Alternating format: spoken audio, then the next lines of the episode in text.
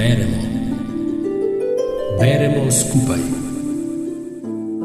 Knjižničarke priporočajo.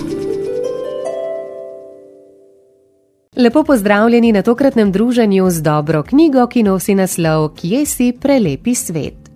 Sally Rooney je ena najbolj prepoznavnih pisateljic generacije milenicev. Ukvarja se s pisanjem poezije, esejev in kratkih zgodb, napisala pa je tudi tri romane, ki so ji prinesli velik medijski in komercialni uspeh. Bravci jo morda poznate prek romanov Pogovori s prijatelji, Normalni ljudje ter njenega zadnjega romana Kje si prelepi svet, ki je napisan v njenem značilnem slogu, zgodba pa se vrti okrog štirih mladih posameznikov. Alice je slavna pisateljica, ki si je svojim prvencem prislužila ogromno denarja, na to pa doživela manjši čustveni zlom. Po odpustitvi iz bolnišnice se sama preseli v veliko stanovansko hišo v manjšem obalnem mestu.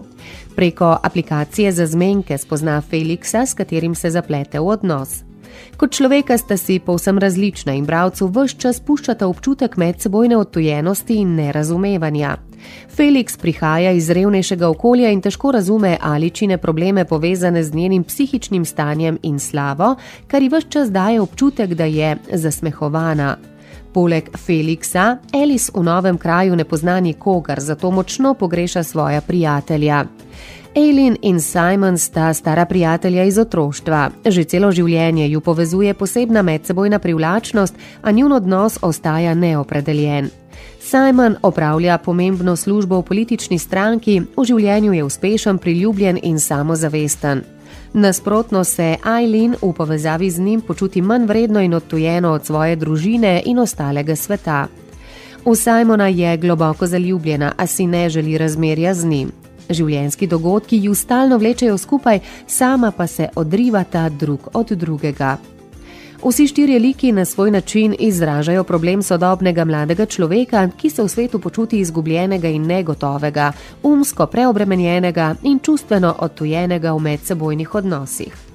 Bralec skozi roman spremlja korespondenco med Alice in Eileen, ki sta v stalnem kontaktu preko pisem, ki si jih pošiljata po elektronski pošti.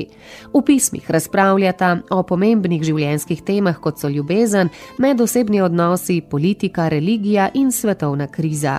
Pisma delujejo nekoliko esejistično, v njih pa je dobro izražen pisateljičin odnos do življenja in sveta, pravi Eva Šturm, ki nam roman Kje si prelepi svet, Seli Runi, priporoča v branje. Pa prijeten večer še naprej vam želimo. Rubrika Beremo skupaj nastaja v sodelovanju z Radijem Sora.